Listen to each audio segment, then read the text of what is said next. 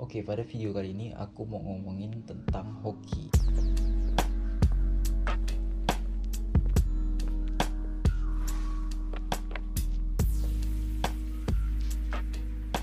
Aku yakin kalian semua pasti punya seorang teman yang dalam situasi atau kejadian-kejadian tertentu sering kali mendapatkan keberuntungan atau paling tidak terlihat lebih beruntung ketimbang kalian atau teman-teman kalian yang lainnya. Entah itu mendapatkan giveaway atau bertemu orang yang kemudian membantu hidupnya, ditawari pekerjaan, bahkan sampai memenangkan judi sekalipun.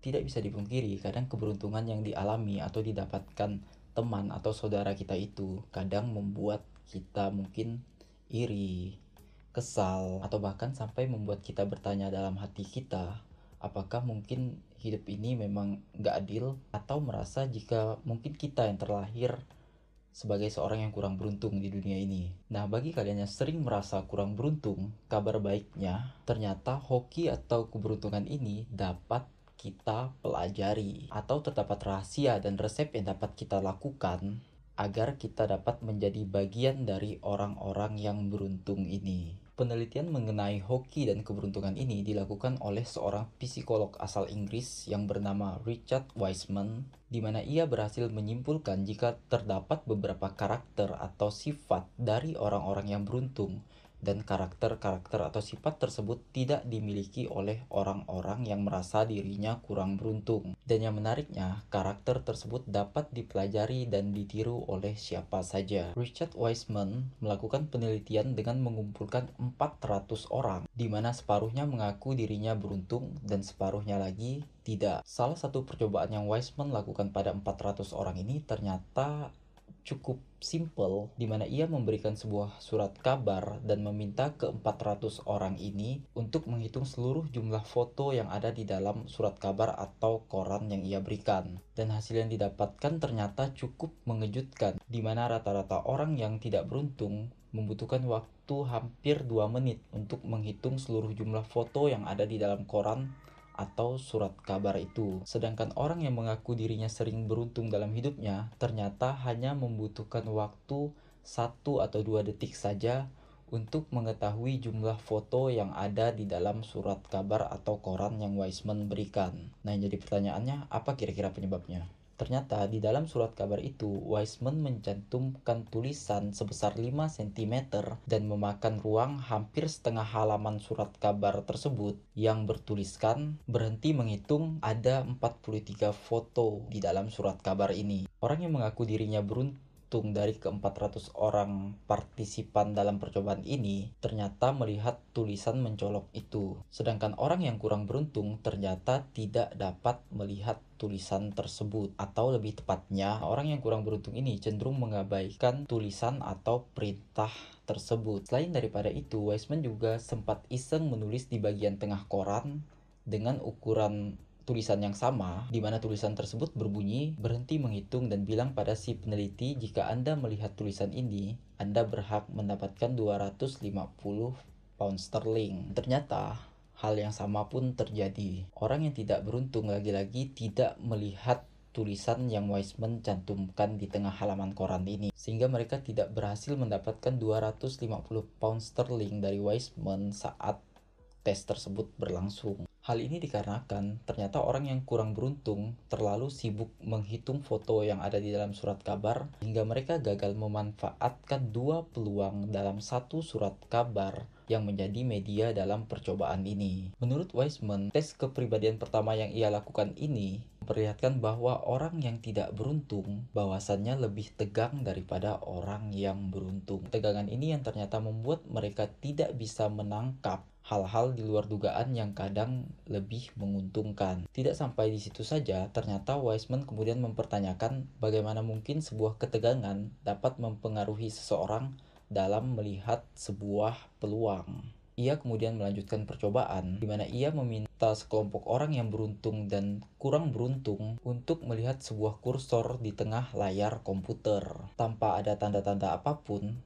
Wiseman kemudian memunculkan sebuah titik besar di sudut layar monitor dan hasilnya hampir seluruh peserta ternyata melihat dan menyadari titik hitam atau titik besar yang muncul di sudut layar monitor tersebut. Kemudian, Wiseman melanjutkan percobaan dengan memberi ketegangan pada tes itu. Dengan cara mereka dijanjikan uang yang cukup besar jika mereka fokus melihat kursor yang ada di tengah layar monitor itu. Dan hasilnya, hampir sepertiga peserta ternyata tidak dapat melihat titik besar yang dimunculkan Wiseman di tepi layar komputer tersebut karena mereka merasa tegang dengan hadiah yang telah dijanjikan oleh Wiseman. Dari percobaan ini, Wiseman kemudian menyimpulkan jika orang yang tidak beruntung sering terlalu fokus pada satu hal, sehingga mereka cenderung melupakan dan mengabaikan hal lain yang kadang membawa keberuntungan atau keuntungan yang lebih besar. Hal ini ternyata juga tampak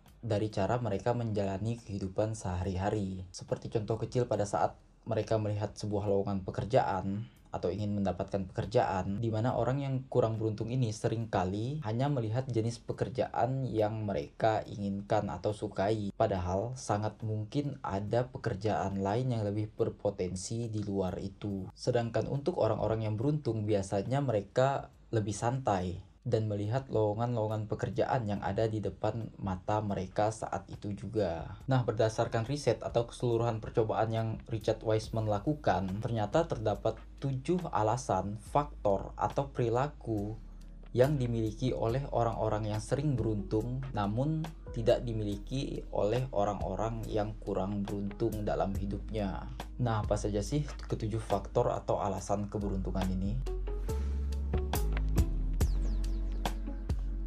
Pertama yaitu orang yang beruntung cenderung terampil menciptakan dan melihat sebuah peluang yang bagus. Misalnya mereka pandai melihat dan jeli melihat sebuah peluang karena mereka tidak selalu terfokus pada satu hal yang mereka kerjakan atau diperintahkan. Alasan yang kedua yaitu orang yang beruntung sering kali membuat keputusan dengan cara mengikuti nalurinya. Nah, ketimbang mengikuti referensi atau mendengarkan orang lain, orang-orang beruntung ini cenderung lebih senang membuat keputusan dengan mengandalkan insting yang mereka miliki. Alasan yang ketiga yaitu orang yang beruntung cenderung memiliki atau menciptakan sugesti positif untuk dirinya sendiri. Ketimbang mengisi pikiran dengan skenario atau prasangka-prasangka negatif, orang-orang yang beruntung cenderung mengisi dan membanjiri pikiran mereka dengan pikiran atau sugesti-sugesti yang positif.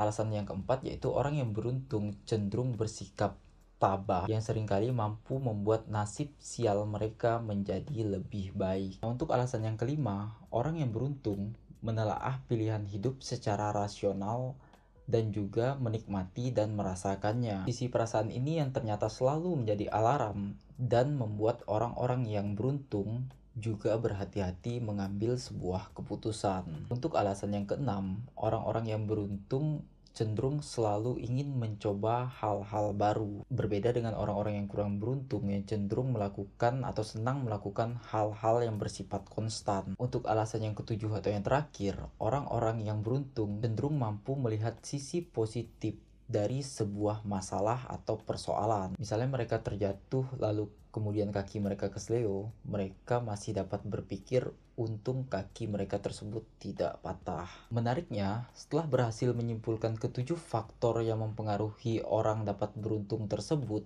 Wiseman tidak berhenti sampai di situ saja. Dia kemudian melanjutkan atau melakukan percobaan untuk membuktikan akurasi teori-teori yang ia keluarkan tersebut, yaitu dengan cara membuat atau membuka sebuah kursus keberuntungan. Psikolog asal Inggris ini meminta sekelompok orang yang beruntung dan tidak beruntung untuk mengikuti kelas atau kursusnya selama sebulan. Dan selama sebulan itu mereka menjalani latihan yang memaksa mereka berpikir dan berperilaku layaknya orang-orang yang beruntung pada umumnya. Di cara melihat peluang, mendengarkan naluri, menanamkan sugesti positif, dan menjadi lebih tabah saat keberuntungan tidak berpihak pada mereka. Dan setelah sebulan kemudian, ternyata hasil yang didapat bahkan juga cukup mengejutkan di mana orang-orang yang telah mengikuti kursus ini ternyata kembali dan melaporkan apa yang terjadi di mana 80% dari mereka memberikan kesaksian setelah menjalankan apa yang disampaikan oleh Wiseman